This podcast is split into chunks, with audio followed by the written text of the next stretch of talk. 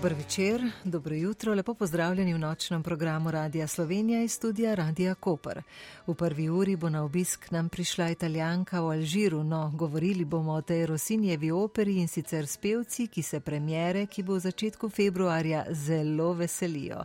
Med vajami sem jih ujela v Ljubljanski operni hiši, doma na Primorskem ali na poti iz Primorske, saj imajo kar pester vsak dan. Nuški drašček se bodo pridružili Jure Počkaj, Štefica Graseli, Rok Bavčar, Anja Zemljarič in Marko Ferjančič. Z veseljem sem poklepetala z njimi Urša Mravlje.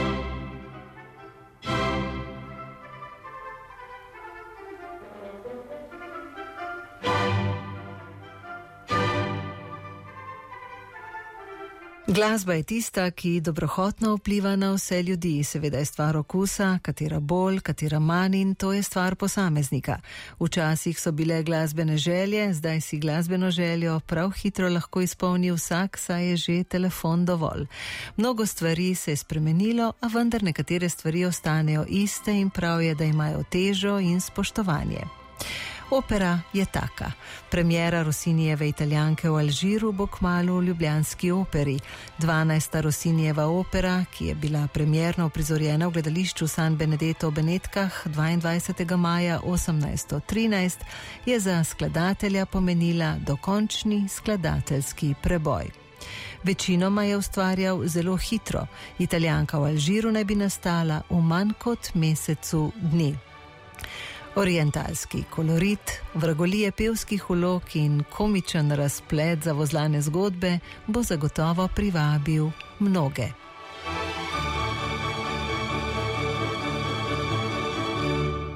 Obisk opere je bil vedno nekakšen poseben dogodek, pražni oblačilo, izbrana družba. No, kaj o tem, na to temo nam bo lahko povedala gostja Nuška Drašček, ki pravzaprav dobro pozna celoten glasbeni spektr, glasbeno sceno, a trenutno se največ mudi v operni hiši v Ljubljani, saj so priprave na premiero v polnem teku 9. februarja namreč. V Ljubljanski operi premjera Rosinjeve italijanke v Alžiru.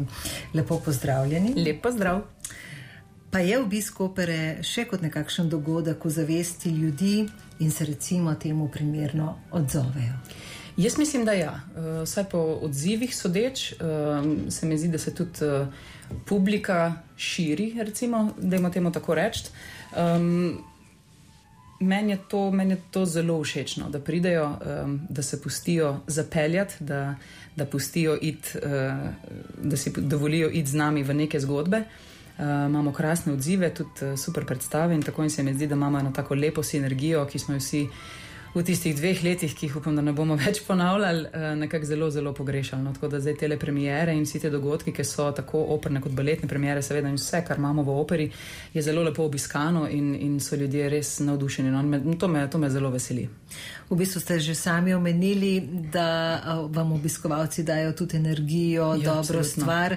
Uh, ali na premjerah, uh, ko je mogoče recimo, drugače, uh mhm. -huh. kot potem doživljate drugače tudi njihov odziv, oziroma je odvisno od njihovega odziva, kako se počutite za vnaprej. E, tudi, tudi, tudi, seveda, to je tudi velik faktor. E, Premjera je sploh poseben dogodek, e, ker nekako se, to je vrh tistega. Polletnega najmanj ustvarjanja in kreiranja vloge, in, in poglabljanja v repertoar, in tehnično piljenje vloge, in tako naprej. Tako da premjera je nek boom če lahko tako rečem. Um, potem pa naslednje predstave, pa nekako um, bom rekla, prideš bolj. Zdaj bom rekla v navado, ampak to je v narekovajih, ker nikoli ni navada, ne? nikoli ni to tako mal uh, iz levega rokava strest, uh, takšne in drugačne vloge. Um, ampak je drugače, seveda, ne? ker si dal že eno tako veliko stvar čez in potem si misliš, no se zdaj pa, zdaj pa nekako bo. Ne? In ponovadi je treba najbolj, kar se energije tiče nas na odru, paziti pri drugi predstavi. Ne? ker premjera je vedno tako polna adrenalina, jaz ponovadi ne morem celo noč potem spati in to je potem ostaja z mano in, in me drži po konci. Um, tako da potem za drugo predstavo mora človek nekako vse ustvariti, tisto občutek, kot da je še enkrat premjera, zato da, da nimaš tistega. Ne, ja, se smo že eno odpeli, ker potem, če se preveč sprostiš, če si preveč ležeren, uh, se potem rado kaj zgodi na odru, ne, ampak pač to je življenje, tako je. Um, ampak je uh, seveda publika, vloga publike ni, ni zanemrljiva. Um, imamo zelo različne uh, odzive. Um, kašni, ob kakšnih dnevih je publika malo bolj zadržana med samo predstavo, pa potem na koncu zelo nagradijo, včasih so pa vmes tako zelo z nami, da, da, da človek res uh, še dodatno živi. No, in oboje je v redu, seveda, ne? ampak pa, se pa včasih zgodi, da imaš občutek, da jim, jim ni všeč, kaj se dogaja, ne? ampak dejansko pa ugotoviš, da tok noter padajo, ne? Eh, da potem na koncu dajo vso veselje in vso hvaležnost uh, uh, v bistvu v aplaus. Pa medtem, ko ste bili na odru in uh -huh. ko je uh, stališča pevcev vse zelo zares, ja. vam grejo te misli po glavi, a je danes kaj drugače, a malo manj se odzivajo, ali ste popolnoma v svojem filmu? Ne? To je najbrž odvisno od pevca do pevca. Jaz ponavadi sem kar v svojem filmu. Jaz grem v vlogo in, in potem predstavljam to zgodbo. No? Tako da uh, je pa včasih kakšen moment v predstavi, ko imaš mogoče malo manj, pa, pa si dovoliš kakšen ušvrk po publiki, da vidiš a so z nami ne, in ni lepšega kot videti uh, sijoče oči in, in spremljanje. Tako da um, je pa, mislim, da je odvisno no, od pevca do pevca. Jaz se pravim, jaz, jaz se kar potopim. Um, še posebej, če je glavna vloga no, to še toliko bolj, ker moraš enostavno prenesti zgodbo s sabo. Ne? Na oder in z odra in v zaodrju to nekako more, more teči. No, Rosini je v Italijanki, v Alžiru imate vlogo, ja. konkretno vlogo. No, in uh, ni verjetno vsaka vloga ista. Ne, absolutno ne. Um, se to je v bistvu tisti čar, uh, ker te vrže iz enega karakterja v drugega. Kakšni so ti bližje, za kakšne moraš malo več uh, kopati po sebi.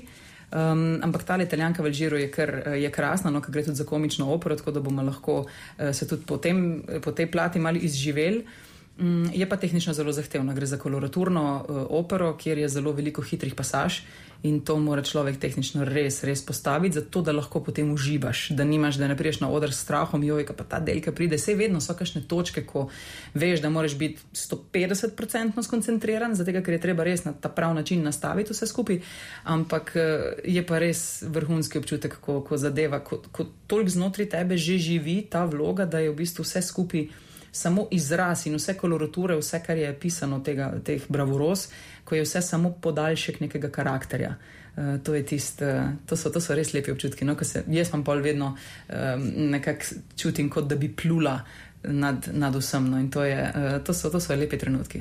No, zdaj, ko vas gledam, ko pripovedujete, imam misel profesionalizem in sproščenost. Ja. Vse gre skupaj. Ne? Absolutno gre skupaj, mora iti skupaj, ker drugače je, je stena pretrda. Uh, uh, moraš ljudi spustiti do sebe, moraš absolutno uživati v tem, kar delaš. Uh, da, ampak je, meni je to čarno, jaz sem do sebe kar precej, precej zahtevna, tako zelo hitlerijanski pristop, če lahko rečem. Um, in se mi zdi, da uh, imam rada res, da je vse narejeno tako, kot mora biti do neke točke, potem pa pride to. Um, sproščanje, eh, se pravi, ne popuščanje v smislu tehničnega znanja ali pa tega, kar, kar vloga čisti, bom rekla, suhoparnega tehničnega stališča zahteva, ampak predvsem tega, da, da začne vloga nekako bolj živeti s tabo. Ne? Ker je, meni je to najbolj zanimivo, v bistvu, ker bolj ko predstave tečejo, več kot jih je. Več je nekih takih drobnih trenutkov, ki so mal drugačni, ali pa prideš že na oder mal drugače, neko drugo energijo prineseš ti, ali pa so igralec, so pevec. In se potem zgodijo neki novi momenti, neke nove. Vsakič znova se odkrije kakšen dodaten detajl in to je za nas res neverjeten užitek. Ne? Tako da to, pol, uh, to ti pol riše nasmešek na obraz. no, to je tekom vseh predstav. Kako se pa lotite, ko veste, da ste v tej vlogi? A mhm. greste kdaj brskati v zgodovino, premljevati, kaj kdo kdaj je že bil, ni bil, ali se prepustite drugače na svoj način? Um, kombinacija obojega. Absolutno vedno, mislim, prva, prva faza je seveda spoznavanje samega notnega, notnega materijala, besedilo, libreto. Meni je pač zelo zanimivo tudi prebrati, kdaj je bilo pisano, zakaj je bilo pisano. A so noter skrite kakšne špice mogoče za takratno družbeno, socialno, ekonomsko okolje. Uh, Um, to mi je zelo zanimivo vedeti, ne, tudi kaj je bil, ker so teh raziskav kar precej naredili in uh, se da vedno dobiti te informacije, ne, kaj je bil recimo osnovni vzgib ali pa kdo je naročil to delo, pa zakaj ravno to delo, zakaj ravno ta tematika. Ne. Tako da to, uh, to je meni zelo zanimivo. No, tako da se lotim iz, iz večjih aspektov, je pa res, da. Um, potem v neki točki pač s tem preneham in grem enostavno samo v to, kar ponudi glasba, uh, kar ponudi lik, ker zelo veliko karakteristike um, lika samega, značaja je urisanega že v glasbi. in se je lepo prepustiti tudi temu. Ne? Pa seveda potem režiserjevi viziji, ki pa se nekako um, vedno. Bom rekla, oblikuje v dogovoru tudi s tabo, torej z izvajalcem, kaj, kaj gre fizično, kaj ne gre, zakaj tako čutiš, zakaj bi tle ta gib naredil, kaj je poanta tega in tako naprej. No, to so To so res detajli, ampak na koncu pride ta slika, končna slika, veliko bolj jasna, če si na te detajle tudi pozoren v, v samem poteku dela. No, glede na to, da ste sami omenili, da raziskujete, zakaj, kako in tako naprej, vsem poslušalcem, ki so se morda pridružili kasneje, naj povem, da je naša gostja pevka Nuška Drašča, ki je trenutno upeta v logo Izabel, Rosinjeve opere Italijanka v Alžiru. Ste bili kdaj v Rosinjevi hiši v Pezaru? Ne. To me še čaka. Mogoče je ideja za, Tako, ja, za izlet. za izlet je muzej in zelo lepo pripravljeno. Sem prepričana, da bi vam bilo všeč. Ja, no, krasno, hvala lepa. Se morda spomnite, kdaj ste bili sicer prvič v življenju v operi? Um, mislim, da smo šli v srednji šoli si ogledati eno operno predstavo in moram reči, da nisem bila prav nič navdušena. Uh, ni me, ni me pritegnili, ni mi, nisem, nekako mi je bilo vse tako tuje, vse se mi je zdelo nekako izumetničeno, pa ne vem zakaj, ampak enostavno ni mi takrat to, ker sem tudi dejansko zelo pozno začela se učiti, uh, bom rekla, pravilne vokalne tehnike in se spopadati z operno literaturo. Uh, pri 24 sem začela z profesorjem Matjažem Robavsom, ki je potem bil moj profesor do konca tudi študijskih let na Akademiji za glasbo. Uh, Mi, takrat se mi sploh ni zdelo, kako je to, kar nekaj, to pa sploh ni za me, to pa kamece. Jaz sem čez druge stvari pela in čez druge stvari so me zanimale, ampak pol, ko sem se pa začela v bistvu najprej tehnično spopadati z obladovanjem svojega glasu, ko je se zgodila neka barva, ko se je zgodil nek, nek ta preboj tehnični, da moramo tako reči. Um, sem pa začela zelo, zelo uživati, pa mi je pa postalo vse skupaj zelo velik izziv. Ne. Tudi eh, zaradi same kombinacije z igro, pa plesa je velik, pa premika, pa kako boš zdaj to poustvaril, pa kako boš to ustvaril tako, da ne bo zgledal, kot da ti je to um, neko, um, bom rekel, nekaj težkega, ampak vse mora delovati lahkotno, vse mora delovati zelo naravno. Uh, in to je, to je res veliki izziv, ker kakšne vloge so kar zahtevne in mora človek pač toliko več dela vložiti, da to res potem zveni in izgleda tudi kot nekaj, pač, kot samo podaljšek. Eh, neke tvoje osebnosti, neke tvoje roke, eh, glasu. Ne. Uh, tako da, ja, vmes um, po tistem, ko smo šli za šolo, mislim, da nisem sama se nikoli odločila iti, uh, šele kasneje, no, ko, ko, ko sem očitno mogla dozoreti, ne vem, to najbrž kot kar z olivami, ne, kot ti mogoče na začetku niso všeč, pa potem v nekem momentu preklopi, pa, pa ti rata ta okus všeč. No, jaz sem zelo prišla na okus, kar se opere tiče, tako da zelo uživam. No, no in uh, to umestno obdobje, ko ni bilo te ja. prve ljubezni z opero, z opero, vas pa veliko poslušalcev pozna s pop glasbene Seveda. scene, če lahko tako rečem. In zdaj mislim, da vas lahko vprašam, kakšna je razlika pri pripravah. Pripravah na premjero v operi ali recimo pri pripravah na resen slovenski festival, naprimer na slovensko popevko. Mm -hmm. Um, zdaj, seveda, opera prvo kot prvo traja dlje kot pa nek nastop na popevki, ampak to ne pomeni, da je karkoli od tega lažje ali težje, ker včasih je morda še težje prepričati z eno samo skladbo, tako da te festivalski nastopi so tako nekaj posebnega. Um, se pa jaz, kar se tiče samih priprav glasu, so za me iste, torej jaz se vedno upojem klasično, ne glede na to, kaj imam zapet in kdaj. Mogoče samo malo prilagodim vaje, ne grem v čiste ekstreme obsega, ampak samo toliko, kot se potrebuje, plus še kakšna terca gor ali dol. Um, In to je to. Mi je pa eh, v bistvu zelo, zelo imam rada to prelivanje uh, stilov, zelo, zelo imam rada oboje, se pravi tako klasiko kot ne klasiko, zato ker se mi zdi, da in eno in drugo področje z drugim bogatim. Uh, Jaz sem tudi začela recimo te slovenske popevke in vse ostalo, kar počnem, torej ne klasično, doživljati čist drugače, ko sem začela aktivneje uh, biti prisotna v operi, ko sem se tudi zaposlila v operi in ko sem dobila tudi te glavne vloge in pomembne vloge in um, nekako začutiš vsako besedo drugače. Uh, večjo težo si upaš dati, interpretativno se mi zdi, da sem napredovala v tem smislu, ker, ker veliko bolj občutim kaj je določen ton prinesel, kaj določena harmonija prinese, kaj določena beseda prinese. Uh, tako da mi je to uh, velik, velik izziv. No, zelo, uh, sem zelo pozorna na te stvari, zelo so mi pomembne vejce, pike uh, in občutja, pa tišine. Pauza je krasna stvar, v pauzi se največ zgodi. Uh -huh. uh, tam, je, tega se včasih mogoče ljudje ali pa tudi izvajalci včasih ustrašijo, ampak um, se mi včasih zdi, da, da ob pauzi v tisti neki tišini lahko še največ poveš. No, vaša uh, glasbena pot v vseh pogledih je v bistvu res zelo pestra. Mm -hmm. Žanrski eklektik. Šanson, klasika, ja. vse, vse uh, skoraj vse. A morda je kakšna uh, glasbena zvrst, s katero se nikoli niste soočili? Um, ne, da se nisem, nikoli, oziroma tako bom rekla, flamenko bi, bi najbrž bil mal težji, zato ker tisti je kar, uh, kar krvavo, no, v narekovajih.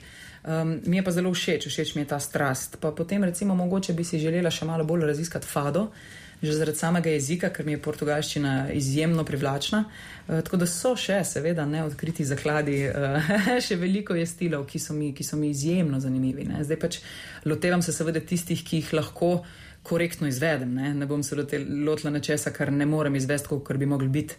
Um, ampak je, je, oh, te, te zakladnice, je, to je vsak dan neki noga, to je res uh, neprecenljiv, je ta vrelec glasbenih idej, pa navdihano. Jaz imam to, se mi zdi, da me to kar nekako um, pomlajuje. Um, to je pač to odkrivanje, iskanje, uh, spoznavanje. Je, um, res imam srečo, da lahko upravljam v bistvu poklic ki me hkrati, uh, ki me toliko zaposluje in toliko izpolnjuje, da praktično ničesar ne pogrešam. No, če pogledate nazaj, vsa leta, odkar uh mhm. -huh. ste na glasbeni sceni in ja, vas pomlajuje. Hvala. Je v tem trenutku to, to, kar ste si želeli, recimo? Ja, um, zelo nenačrtovano, ker si nisem nikoli. Nikoli si nisem postavljala takih, bom rekla, trdih ciljev.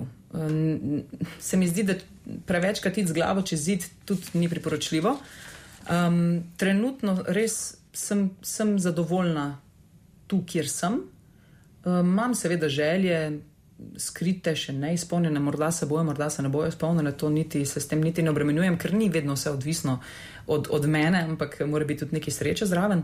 Um, ampak uh, trenutno pa neizmerno uživam, ker imam res same lepe projekte, same lepe stvari v operi, izven opere, krasna sodelovanja, krasni trenutki se mi dogajajo na odru in, in izven odra in um, to je, imam res srečo. No. Vedno ste slišati tako, recimo za nekoga izmed nas. Ah, to je njej tako lahko. Ah, ja, vse eh, to je cilj. Ne? Ja, ampak. A morda je kakšna stvar, za katero bi recimo zdaj, če gledava premiero, uh mhm. -huh. ki je pred nami, uh, pa je kakšna od stvari, ki vam je v celem tem spektru, ki ste jih na začetku povedali, kaj vse prinese, uh mhm. -huh premjera, lahko rečete, da vam je od vsega pa mogoče vse težja kot ostale. Mm, zdaj bom rekla konkretno pri tej vlogi, je največji izziv prav ta tehnična izvedba, ker je pisana malce niže, eh, to je pisano za alt. Um, tako da mora človek, to kar precej navit. Ker recimo Pepelka, ki je tudi Rusinjeva, je pisana više, in je mogoče za odtenek lažja v tem smislu, ker je nekje v neki poziciji, ki, ti, ki meni vsaj mečem bolj odgovarja. Um, ta je drugače pisana, zdaj, da, ker seveda nimam želje, da zveni zelo temačno in temno in tako, ampak še vseeno mora biti pa to neka taka lepa žametna barva. Ne? In zdaj iskati te barve znotraj koloratur in znotraj poudarkov, ki morajo biti v besedah, ki morajo biti v interpretaciji, To je veliki izziv, ker tudi koloratura ni samo okrasek, ampak ima funkcijo in slika dodatno karakter. Ne? Tudi način, kako je speljana, je pomemben. Ni, ni napisano, ker tako je vam tle dal malo kraskov. Ne, ne, ve zelo jasno je, zakaj je tako napisana in to, to je ta izziv. Tako da tukaj je tehnično mogoče še najbolj, eh, ta, te, vse koloraturne v bistvu no, so tehnično precej zahtevne. Verjetno je pa eh, odvisnost teh uh, zahtevanih stvari in zahtev uh, odvisna tudi od tega, koliko vam je vloga nekako naravno pisana na kožo. Verjetno je kakšna bolj, kakšna manj, ali ste sposobni se vsako tako močno ja. upeti, ja. da lahko rečete, da izenačite. No? Ja, ja um, je res, kakšne ti na prvo oko delujejo bližje. Ampak meni je glavni izziv v bistvu ravno ustvarjati uh, značaje, ki mi niso tako zelo blizu, ali pa ki mi mogoče zdaj niso tako blizu, mogoče bi mi bili pred desetimi leti bližje. Uh, Um, da, ampak vsakič, tudi če je na, na nekem nivoju nekaj lažje, je potem drugje treba se v stvar bolj poglobiti. Mi je pa všeč, da pač vzamem vsako vlogo kot, kot nepopisan list. seveda sebe prineseš noter, normalno, in določene situacije si moraš predstavljati ali pa jih nekako, um, bom rekla, približati si uh, sedanjosti in se vprašati, kako bi jaz odreagirala, recimo zdaj. Če gledamo ženske vloge, ne, kako bi zdaj kot ženska odreagirala v današnjem svetu, pa kako bi mogoče takrat, ko bi bila popolnoma drugače vzgojena. Tako da tudi to je ena stvar, ki jo je treba uh, vzeti v zakup. Ne, ne moreš, bom rekla, za eno tako vlogo, recimo konkretno v Italijanki v Alžiru, ko jaz pridem v, v Alžir in se, in se soočim z, z Bejem, ne, z Mustafo. Danes bi bila to čist druga rak, kaj, kaj zdaj, kaj ti bi zdaj tukaj mene, kaj v nek, v nek harem, zapo, kaj ne. Ampak takrat pa mogoče je pa mogla ona mečken bolj po prstih, pa malo krok uvinka dosežti svoje. Ne. Tako da uh, je, je zanimivo no, se s tem mal, mal pokvarjati, pa tudi o tem razmisliti. Ampak se pravi, najraje imam nepopisan list, ki ga potem zapolniš in svojo reakcijo, in, in svojo vizijo, glasbeno vizijo, in pa seveda režiserjevo. No, včasih pravimo, da ste recimo pevci, ki ste na pop sceni, bili uh -huh. ste še navajeni vsega. Kakšna pa je recimo zdaj razlika pri, če rečeva, življenjskem stilu, v vašem uh -huh. življenjskem stilu, vaš dan, vaš teden, vaš mesec, kakšna je recimo razlika zdaj? Če gledava Nuško kot pop pevko uh mhm. -huh. ali pa Nuško Drašček kot operno pevko, ki se pripravlja na premjero in ima eno konkretno vlogo. Je, zdaj, glavna razlika je seveda v količini vaj in priprav in v, v trajanju te, tega miselnega procesa, ker eno tako vlogo recimo začneš pripravljati slabo leto prej zagotovo. Ne? Eh, je treba pač jo kondicijsko pripraviti, treba jo je pripraviti z zavedanjem tega, da mogoče bo vmes še kakšna druga vloga preletela, da bo treba kakšno predstavo ponoviti iz prejšnje sezone, kar pomeni, da boš to mogel malo odložiti, pa potem spet pobrati. Ampak kondicijsko mora biti zadeva tako pripravljena, da potem ta ponovna obuditev ni predolga. Ne? Tako da Kar se tiče samih vaj, je seveda velika razlika. Ne? Moj dan je pač uh, podrejen v narekovajih temu, da uh, imam vaje v operi. Zdaj, ali so to lektorska vaja, ali je to korepeticija, ali je to ansambelska, ali je to režijska vaja, ali je to vaja z orkestrom, to niti ni važno. Tak je pač moj dan, to je moja služba. Um, če imam pa sem, samo koncert. Um, si pa vseeno vzamem čas za razmislek, v glavi grem čez skladbe, kako bojo potekale. Mogoče malo pomislim, kaj bi vmes povedala, kaj je, kaj je pri kakšni skladbi zanimivo slišati tudi publiki. Um, ali bom v bistvu bom več govorila, bom manj govorila, bom pustila, da glasba pove svoje, bom mogoče zbrala kakšno, kakšno poezijo za vmes, da, da mal povežem nitke vseh teh popevk ali pa skladb, ki jih izvajam. Ne. Tako da zelo, zelo um, raznoliko, ampak deva reči tako, da mi operna priprava seveda vzame večji del dneva. Uh, sami koncerti so pa malo bolj sproščeni, ker so v veliki meri največ odvisni od mene. Ne? V operi sem le del velike ekipe uh, in moram iti na oder tudi s tem zavedanjem. Del velike ekipe. Zadnje čase se recimo sliši pogosteje povsod. Nekateri pravijo, da je bila tudi pandemija uh mhm. -huh. kriva za to, da so se odnosi med ljudmi uh mhm. -huh. poslabšali. Uh mhm. -huh. Kako vi to čutite, recimo, kadar sodelujete z veliko ekipo, uh mhm. ali še velja, da je glasba tista, ki v bistvu drži dobro, če se lahko tako izrazim? Jaz bi rekla, da kar drži tale zadnji del um, vašega stavka. Um, vsi smo to zelo pogrešali. Um, zelo težko je bilo, ker nismo imeli enakih pogojev, nismo mogli vaditi na isti način, kot smo navajeni, ko se ta kreativni proces prekine, meni je bilo to izjemno težko. Jaz sem se s tem zelo težko spopadala, zelo mi je manjkalo, ker jaz pač preživim večji del dneva v operi, ne? jaz vadim. To je pač, to, jaz v tem zelo uživam in sem rada v okolju, kjer, ki je podrejen temu, ne, da slišiš iz druge sobe nekoga drugega vaditi ali pa slišiš kakšnega instrumentalista in tako naprej. Ne. Tako da smo vsi res komi čakali, da se vrnemo na odre in da lahko spet medsebojno in vsi skupaj nekaj ustvarimo. Ne? Se pravi, tako orkester, pa tonski mojstri, lučni mojstri, režiserji, scenografi, kostumografi, eh, moji sopevci, soigravci, kolegi. To smo, to smo res vsi komi čakali. No? In se mi zdi, da so ljudje ravno tako kot mi bili željni tega. Um, jaz vem, da takrat, ko se je potem postopoma spet začelo vse odpirati, ne vem, pa vedno imam lepe koncerte, vedno imam krasno publiko, vedno sem izjemno zadovoljna in res izpolnjena uh, po vsakem koncertu, ampak se mi zdi, da takoj v tistih prvih nekaj mesecih po odprtju ponovnem smo pa prav pili drug od drugega. Tok nam je manjkalo, tok je bilo lepo spet začutiti objem strani publike, uh, da, da je bilo to, to, to je bilo res lepo. No. Kljub temu, da ste prej enkrat omenili, da je to tudi vaša služba, uh -huh. ampak nikoli verjetno ni samo služba, to je velika ljubezen. To je velika ljubezen, ja. Drugač bi, drugač bi človek, se mi zdi, tega kar težko lotil, ker to je, uh, to je zahteven poklic. To ni, pride, eh, ali prideš pa nekaj odpoješ, niti slučajno. Zahteva priprave, zahteva doslednost, zahteva korektnost. Um, tako da jaz in jaz tudi v tem uživam. Kako pa se pripravljate? Imate kakšen svoj ritual, kakšne svoje navade?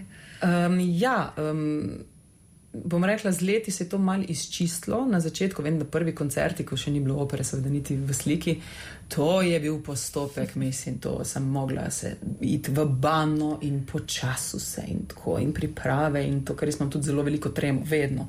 Zaradi tega, ker čutim veliko odgovornost do tega, kar delam in zelo veliko odgovornost do publike in si želim vsakič narediti res najbolj popolno, kot v danem trenutku lahko. In sem tudi redko zadovoljna, ker se pač prav na tem področju sem res perfekcionist. Um, kar je lahko včasih dobro, včasih pa slabo, ampak jaz to vzamem tako, kot je. Pač taka sem, drugače ne znam in to je to. Zdaj mi je predvsem pomembno to, da imam čas in mir v glavi iti še enkrat čez, da, da vem, kje sem, rada tudi pridem precej prej v opero, da na, na odru tako so lepi ti momenti, ki je odr v bistvu še na pol v temi, ni nikjer nikogar, čista tišina in jaz lahko lepo prehodim svojo vlogo in jo vizualiziram v določenih ključnih momentih. To je meni najljubši del priprave. Potem, kar se tiče samega, ne vem, make-upa, se pravi ličenje, pa frizura, pa to, to pride zraven. Ampak zelo mi je pomembno, da imam tam mir, da imam to možnost podoživeti določene trenutke, pa da se dobro naspim. To mi je, sicer je pred premjero to ponovadi kar težje, ker me po noči se zbujam, sanja se mi, da pozabim. se mi je že zgodilo, da sem sanjala, da sem prišla na oder in so začeli igrati nekaj, kar nisem prepoznala. Recimo, ne, to se zbudiš, hvala Bogu, da se zbudiš, ker to je, to je res uh, huda noč. Zelo huda nočna mora, tako da imam vedno tudi note ob posteli, ne, ker se mi dogaja, da v glavi pač uh, to vrti. In pride do nekega trenutka, ko ne znam, in se zbudim in moram pogledati, kaj je, in pa lahko nazaj zaspim. Ne. Tako da imam včasih res po noč imam prekinjen spanec, pa ga potem čez dan nadoknadim. No, tako da um, ta, ta proces je kar. Uh, Je, je zabaven. ja, jaz sem vas razumela, da v bistvu potrebujete tudi tisti del tišine na odru. Ja. Kot je bilo že prej na ja. začetku ja. rečeno, je ja. tišina za vas tudi pomembna in se jo verjetno včasih zaradi vsega skupaj nekako morate vzeti. Ja, ja, ja ne? ker meni skozi neka glasba po glavi roji. In to je res zanimivo, včasih tudi, ko so kakšne vaje, pa je zahtevno, pa si potem utrujen, pa pa pridem, vem, v avto, pa prežgem radio, pa je neka skladba, pa jo znam, pa se zelo tem, da spet pojem, pa si mislim, pa dobro, kalah, da je vsaj dve sekunde, neki ne pet, bod mirna, bod v tišini, ampak ne, pač takrat rabim in. In to je to, si pa, si pa privoščim, sploh recimo v avtu, no res velikrat um, tišino, pač in da si sam s svojimi mislimi in da pustiš, da pač to tok teče. No. Uh -huh. A se morate mogoče tudi drugače kaj prilagajati zdaj uh, pri stvarih, na katere morda sicer niti ne pomislimo, da lahko vplivajo? Hrana, pijača, se morate čemu odpovedati, uh, morate česa več uživati. Ja. Um, zdaj, ko bom rekla, to je od pevca do pevca različno. Uh, jaz za me je predvsem pomembno, da veliko pijem vode, da ne bo slučajno kdo mislil. Uh, vode, vode, vode, drugače pa jaz trudim, uh, pač poslušam svoje telo. Um, ponovadi ti dan, ko je premjera, moram reči, da nimam ravno nekega blaznega apetita in na to se tudi pripravim. Imam kakšno sadje doma, to, da je želodec uh, zadovoljen, ampak prav velika količina hrane ti dan ne gre. Um, drugače pa se trudim, bom rekla, čim manj komplicirati. Uh, tudi kar se tiče klim in tega, in nek hladna pijača, dobro, to mi tako ni dobro. Um, edino, čemu se pa res izogibam, je pa glasno govorjenje. Uh, nisem rada v hrupnih prostorih, ker takrat se niti ne moreš pogovarjati. Uh, tako da temu se izognem, drugače vse ostalo se mi pa zdi, da poskušam res čim manj um, imeti, bom rekla, nekih teh drobnih, joj, pa tle mi piha, pa tle mi poskušam iti mimo tega, ker to je pač življenje. Na, na čisto vse faktore nikoli ne moreš vplivati in zdaj kaj, ne grem pod stekleni zvon in se tam čuvam, ne bo šlo, če hočem imeti karkoli še od življenja. Um, tako da sem tle uh, zelo, bom rekla, ležerno. Uh, ampak kako pa je čas za, za pripravo, ali pa se, da bi se boh ne dej začel karkoli na grlo dogajati, takrat pa striktno zaprem, tišina, uh, inhalacije, čaj, in, in to je to. Že prej smo rekli, da je sodelovanje ključnega pomena, da je ekipa tokrat velika, nekaj gostujočih pevcev, uh mhm. -huh. tudi primorci. Tako. A, v glavnem se poznate med seboj, tudi že odprej je potem lažje. Ja, z nekaterimi smo na akademiji bliže skupaj, nekatere potem v procesu dela spoznavaš. Uh, tako da to je v bistvu to, mal en tak uh, melonž vsega.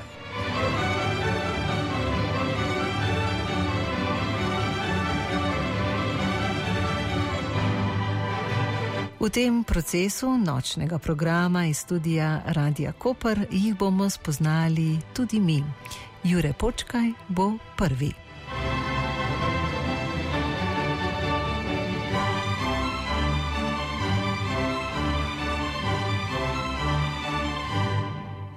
Priprave pred premjero so v polnem teku, kako se gostujoči primorec počuti v Ljubljani. Ja, v Ljubljani je lepo, zdaj se tudi uh, ne samo na primorskem, ampak tudi v Ljubljani malo sonce pokazalo. Tako da razen tu, kar smo na vajah, eh, lahko žijemo kakšno kavico zunaj, delovno drugače. Poznate italijanko v Alžiru odprej ali sta se šele zdaj spoznala? Ja, seveda poznam italijanko v Alžiru odprej, ker je ena izmed bolj popularnih oper od uh, Rosinja, ampak v vlogi Tadeja, ki jo pa zdaj študiram, pa definitivno prvič. Kako se počutite? Uh, je vznemirljivo? Ja, vznemirljivo, super ekipa od solistov, uh, sploh pa bom rekel ustvarjalci iz uh, Italije, ne, dirigent Marko Guidarini, ki smo imeli priložnost še decembra eno vajo z njim narediti. In uh, sedaj delamo z Emanuelom Gamba, ki pa dela režijo. No, kako pa ne morem, da vas ne bi vprašala, usklajujete zdaj operno, glasbeno in družinsko življenje, imate namreč dva meseca starega sina. Ja, pa v redu, ker uh, Ljubljana ni tako daleč. Jaz sem tukaj na meji, ne, blizu razdrtega. In ja, normalni delovnik bi rekel, ob šterih se vračam domov, odvisno od gužve na avtocesti.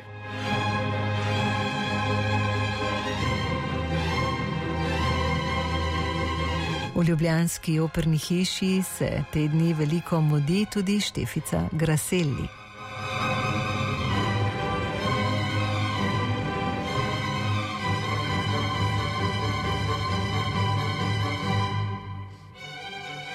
Vajni smo vas v različnih glasbenih vlogah, v različnih glasbenih spektrih, pop, opera in še kaj. Imate morda prioriteto v vsem tem bogatem spektru, odkudar vas poznamo? E, težko rečem, e, če imam prioriteto. E, vse zelo rada delam, vse, kar je v zvezi z glasbo, vedno sem želela biti čim bolj široka, vedno me je vleklo na razno razne strani in, in v različne žanre. Tako da mislim, da je to bolj stvar uh, na nek način določenih obdobij. Čeprav ta opera se me pa kar drži no, od študija naprej in je ena taka velika ljubezen moja zaradi tega, ker, um, ker gre za teater, ker gre za igro, za. Moraš imeti res različne skile, ne? bi rekla, za to in, in to me privlači. Je vse malce drugače, tudi kar se tiče oblačil, maske, nastopanja kot takega, tudi spremljave. Uh -huh. Vas to uh, mogoče uh -huh. uh, toliko bolj privlači? Ja, privlači me širina vsega tega, um, barvitost, uh, to, da um, interakcija z ljudmi, s kolegi, uh, naenkrat nisi več, uh, bi, uh, nisi več uh, sam na odru, kot recimo v popularni glasbi prideš, odpoješ pesem sam zadaj imaš spremljavo, tukaj gre za interakcijo, za like. Naenkrat nisi več samo ti, ampak se probaš um, v eno drugo kožo uh, postaviti. In to me zelo, zelo privlači pri operi. Pa vendar vas bomo morda še videli na melodijah Morja in Sonca. ja, sigurno, sigurno. Melodije Morja in Sonca so za me najlepši festival in to je en tak moj. Vedno se počutim, kot da se vrnem domov.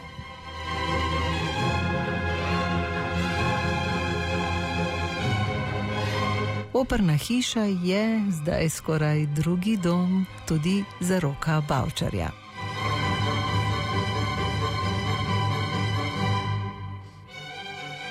Vaje vsak dan, premjera bo k malu, kako se stopnjuje napetost? Ja, napetost se pred vsako premjero stopnjuje. Je pa tako, je odvisno od uh, ekipe, odvisno od uh, tematike, odvisno od materijala, ki ga imamo pred sabo. Moram reči, da ravno ta Italijanka v Alžiru je nekaj zabavnega, ekipa dobra, nismo samo kolegi, smo tudi prijatelji vmes. In ja, uživamo, uživamo in pričakujemo to. Težko pričakujemo to, premjero.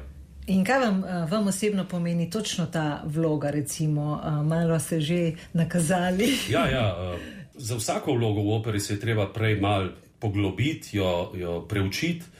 In ta vloga tega Tadeja je, v bistvu je zanimiva, moram reči, da mi je pisana na kožo, mal je taki neodločen, pa sicer gospod, kot ta pravi italijanski gospod, ki pa se v težkih situacijah hitro uh, skrije pod pod eno masko, pod, in strah ga je pa vse.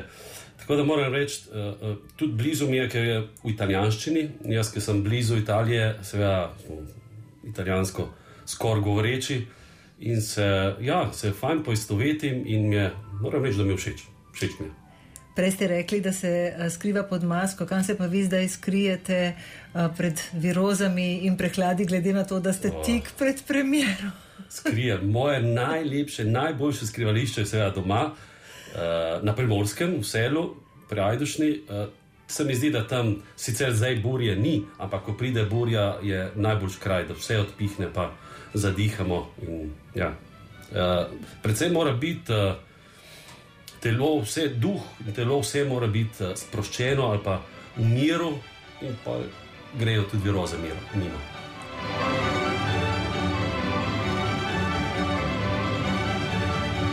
Anja Zemljarič nam je zaupala, da je zelo navdušena. Kako se počutite v pripravah na premjero? Super, mislim, da vaje zelo dobro potekajo. Imamo zelo prijetnega režiserja in tudi dirigenta. In um, dobra ekipa je, tako da je sproščeno, ampak vseeno zelo delovno. A vam je vloga pisana na kožo, se dobro počutite? Ja, zelo sem vesela, da so mi dali to priložnost, da se lahko predstavim kot Zulma. Mislim, da je čisto v mojem obsegu in tudi karakterno se bom eh, zelo dobro znašla v njej, tako da mi je všeč. Imate recimo kakšne posebne priprave, take osebne na premjero izven operne hiše? Niti ne, nimam nekih posebnih ritualov pred nastopi. Čist je odvisno od dneva, včasih mi ena stvar paše, včasih druga, tako da nisem še našla neke prav posebne stvari. Pa kaj težko čakate ta 9. februar, ko se bo zgodilo na odru? ja, mislim, da vsak umetnik si prizadeva, da bo čim bolj se pokazal, potem, ko bo um, enkrat na odru, ampak nimamo toliko časa razmišljati, kdaj bo, kdaj bo, ker je res proces tako dolg in uh, intenziven, tako da se skupaj pripravljamo in uh, je, je to to. Tudi Marko Ferjančič težko pričakuje premjero. Italijanka v Alžiru se približuje. Kako se počutite ob tem? Uh, dobro. Prejšnji teden smo, smo začeli z režijskimi vajami. Uh, mislim, da bo predstava zelo smešna. Uh, režiser, mislim, da, da ima eno dobro vizijo. Uh, zelo komično bo vse skupaj. Dobro nam gre, eno dejanje smo že kar dobro postavili, tako da jaz mislim, da bo to ena odlična predstava. Imate morda kdaj tremo? Ah, trema mora biti. Jaz vedno rečem, da, da če ni treme, da ti očitno ta projekt ne pomeni dovolj in se pravi tudi nisi dovolj investiran van in ne daš potem 100% od sebe. Uhum.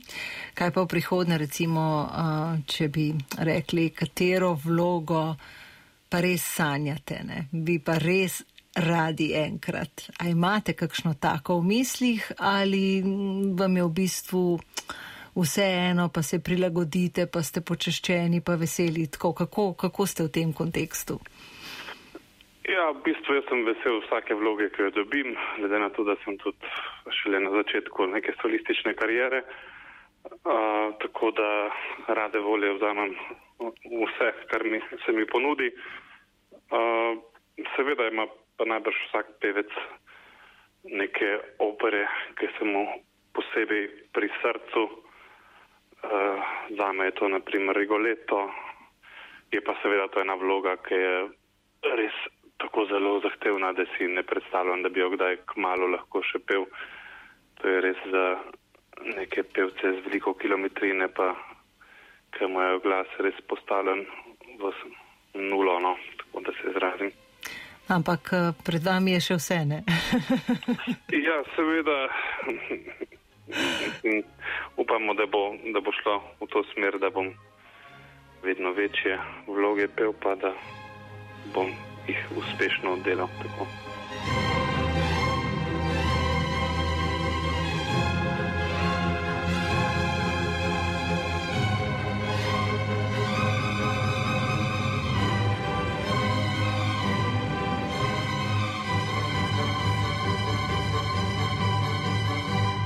Operi, o kateri govoriva, gre za premjero Rosinijeve italijanke v Alžiru, ta bo 9. februarja v Ljubljanski operni hiši, sodelujete s teatrom Goldoni iz Livorna. Uh -huh. Govorite italijansko? Ha, un po', ma posso capire più che parlare. ne, govorim francosko ne, in potem nekako so mi ti romanski jeziki dost blizu, še posebej seveda, ker se v operi vedno soočamo, glavnina repertoarja je v italijanščini, no, oziroma vse tega, kar smo mi delali. Um, tako da lahko veliko več razumem, se mi zdi, kot pa povem, ker veliko krat mi potem pobegne kakšna španska beseda vmes, pa tako. No. Ampak kavo bi si že znala, brez skrbi naročiti, pa za kakšen skonto tudi dogovoriti. No. je pa zanimivo, ne? lahko rečete, govorim tako, tako, pa ja. pa dobro italijansko. Ja, ja, to pa gre. Se pri to vrstnih produkcijah stkejo, spletejo tudi prijateljske vezi, kdaj in potem, recimo, ko je konec nekega projekta, ja. še ostanete, greste na obisk. Mislim, absolutno se stkejo, zdaj počasih je pa to malo težje vzdrževati, ne? tako da potem ostanemo na kakšnih sporočilih ali pa kaj. Uh, da, ampak to, to je pač to, to življenje. Ne? Uh, ko enostavno ne moreš, ker smo vsi pač zelo zaposleni in uh, skačeš iz enega projekta v drugega, je potem težko, ampak ostajamo pa v stikih, no, večinoma do zdaj lahko rečem, da z vsemi. Glasba je vaše življenje, glasba je vaša ljubezen. Uh -huh. a, a to pomeni, da ste brez stresa? Ha, niti slučajno. A, je res, da je to, jaz temu rečem, pozitivni stres, ampak na koncu koncev je stres, stres. Hormon, ki se sprošča, je isti. Um, tako da uh, je stres, seveda, ne? še posebej, če se zgodi, kdaj, da kaj ne gre. Ali pa recimo človek zboli, pa pol ne moreš. Takoj in toliko variti, kot bi hotel, in to, oh, to zelo frustrira. Ne? Tako da jaz, jaz se moram prav um, zavestno si moram znati vzeti pauzo, ker jaz, ko vadim, padem noter in ne opazim. In tako pa dobro, kaj mi neki nagaja, neki ne dela, pa tako pogledam na uro, a ja, no, si že tri ure poješ, mogoče bi pa lahko šla na kakšno pauzico, ne? Ker padem noter in ne opazim in sem kot bager, pač kopljem, kopljem, kopljem in iščem in jo idemo to še enkrat, pa zakaj je slabš, pa zakaj ne gre dobro, pa a, ne. Um, je, seveda je stresno, uh, ampak se pravi, meni.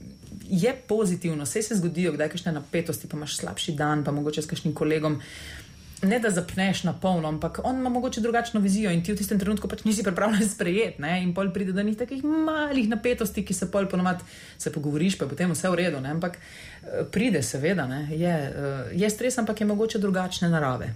No, ravno to sem želela v bistvu vprašati, ampak zdaj ja. je dober vzgib, če se zapneta, kot ste se ja, izrazili ja. s kolegom pogovor, še kaj se vam je že kdaj zgodilo, da ste recimo morali, ne vem, vaje prekiniti, pa se pogovoriti, pa potem naprej pride tudi do takšnih situacij? Um, jaz osebno nisem še nikoli, da bi prekinila, um, ker pač enostavno smo tudi vsi vendarle profesionalci in vemo, kaj, kaj ta nivo zahteva pride včasih do kakšnih stvari, kot, kot sem rekla, ne, ko se ti zdi, da bi mogoče mogli biti drugače, ampak se potem pač s kolegom pogovoriš, zakaj pa ti tle tako narediš, ali je to kakšen, kakšen vzgib, ker jaz bi mogoče želela, da bi naredila tako, ker jaz vidim to tako, ampak to je vse super, ne, to je fajn ta pogovor. Sem pa enkrat doživela v, mislim, sem bila v Koblencu, sem delala pepelko, kjer je bil režiser um, mečken bolj kolerične narave.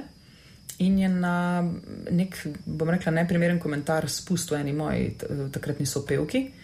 In je ona mirno vstala, zapustila vajo, šla do umetniškega direktorja in je imel režiser potem takoj zagovor. Mm -hmm. Ker so določene stvari, določene meje, ki se jih ne prestopa. Ne? In je bilo, je bilo tako, in to je bilo prvič, da sem jaz to doživela, in je bilo prav tako. Aha, uf, tle so pa. Smo pa mečkim bolj občutljivi, ok, v redu. Ne? Ker določene stvari, pač to je tudi od človeka odvisno, ne? določene stvari vzameš, bom rekla, v žaru borbe. Ne? Ampak se ti pa lahko zgodi, da ti tisti dan, tisti žar borbe ne odgovarja in takrat pač odreagiraš. Ne? Kaj pa recimo uh, medijski odzivi? Uh, včasih so takšni, včasih drugačni, uh -huh. včasih, če lahko tako rečem, kakšni mediji po svoje, kakšno zgodbo priredijo. Absolutno. Ja. Ne, nič več. Včasih se mi zdi, da sem se, se veliko bolj obremenjevala, ampak ne v smislu, kako je nekdo odreagiral. Bolj sem bila občutljiva na to, kako sem jaz eno zadevo predstavljala. Ker pač vsak človek si želi predstaviti eno zadevo, eno stališče, mnenje, karkoli že. Na način, da bi ljudje razumeli, kaj je hotel povedati, ampak to je včasih težko dati čez, ker, ker ne smemo pozabiti, da se vendarle ne poznamo. Ljudje, ki preberejo nekaj o tebi, oni tebe ne poznajo, ne vejo, kakšen karakter si, ne vejo, zakaj si to rekel, pa zakaj si to rekel na način, na kakršnega si rekel. Um, tako da to je včasih mal, um, ker je pač izven naše kontrole, ne, ne moreš vedno vsega nadzorovati. Ampak jaz sem pol, v enem določenem obdobju si pač rekla, da pač ne morem na vse vplivati, enostavno bojo mogli ljudje zaupati da, da, in, in imeti nek kanček dvoma, da mogoče pa ni bilo tako, kot je bilo predstavljeno. Um, ampak imam, bom rekla, glede tega, kar, kar srečo. No? Um, tudi novinari me že zelo dobro poznate, vsi. tako da si lahko drugačen pristop. No. Tudi eh, sama se zelo trudim, da bi bila pri odgovorih in pri vsem, kar počnem, pač zelo jasna, da bi ljudje res na najboljši možni način v prostorčku, ki nam je pač na voljo, dojeli in razumeli, kaj sem hotela povedati. Je pa res, da enostavno včasih ne moreš. Ampak tukaj pa mogoče kot nek korektiv, če lahko rečem, pridejo družbeno oziroma socialna omrežja, ker tam imaš pa direkten dostop do publike. Ne? Tam pa lahko direktno napišeš, tole pa tole ni bilo čisto tako. Ne? Ampak čeprav jaz bom rekel, da se tega dosta redko poslužujem, zato ker enostavno ne želim prilivati olja na ogen. Um, če nek medij nekaj izkoristi, neko objavo ali pa ne vem, nekaj, kar sem rekla, pa nekaj, kar je slišal uh, za nek svoj clickbait, se pravi, da vabi ljudi, da klikajo, jaz se v to narativo ne želim spuščati, zato ker ne bom delala dodatne reklame. Um, in zaenkrat se to kar dobro obnese. Kaj bi za konec, recimo, najnega pogovora m, mm, lahko povedali pred premjerom, mm, kakšno pikico, kot vabilo, v bistvu, ja. kot vabilo, na, na, kot vabilo naj pridejo v opero, ja. uh, naj pridejo nasproti italijanke v Alžiriji. Ja, ja. Jaz, jaz bi predvsem lepo, lepo povabila res, dajte si pogledati na spletni strani od opere, kdaj so predstave, kakšne so zasedbe. Um, prepričana sem, da vam bo zgodba všeč, glasba je krasna, uh, zasedba je odlična, režijsko, zdaj, ker smo ravno v, v procesu uh, teh vaj, tako se zabavamo in tako se smejimo, da sem prepričana, da bo publika to sproščeno začutila. Um, komična zadeva, uh, zelo, zelo zanimive rešitve, tako da uh, jaz jaz vam res toplo polagam na srce, pridite pa zagotovo ne boste zadnjič. Nuška Drašček, greva še enkrat skozi spektr. Torej, čez vsa ta leta opera najprej vam ni bila všeč, Tako. zdaj je to velika ljubezen, vmes se je zgodilo. Vse mogoče, ja. albumi, sodelovanja, ja. pop, šansoni, popevka. Ja muzikli. Ja, ljudska pesem. Kaj? Kaj se nam še obeta? Ja, bomo videli. Jaz bom ta prva zvedla, vi pa takoj za mano. Jaz se pa, kar se glasbe tiče, se pa res pustim peljati. Eh, zelo zaupam energiji, zelo zaupam intuiciji. Um, ti, kar kamor me odpelje, kjer se mi začnejo dogajati iskrce, tistega se lotim. Ker, ker tisto lahko potem res iskreno dam sebe v tak projekt in, in tudi iskreno od sebe. In se mi zdi, da, to, da to publika uh, zelo, zelo začuti. No, in jaz vam želim, da naj se iskri v vas in okrog vas. Hvala lepa, to je beseda. Hvala, enako. Hvala. Vabljeni torej v družbo italijanke v Alžiru in vseh nocojšnjih gostov. Premjera bo v slovenskem narodnem gledališču Opera in balet v Ljubljani 9. februarja. Poglejte program in si vzemite čas za poseben večer.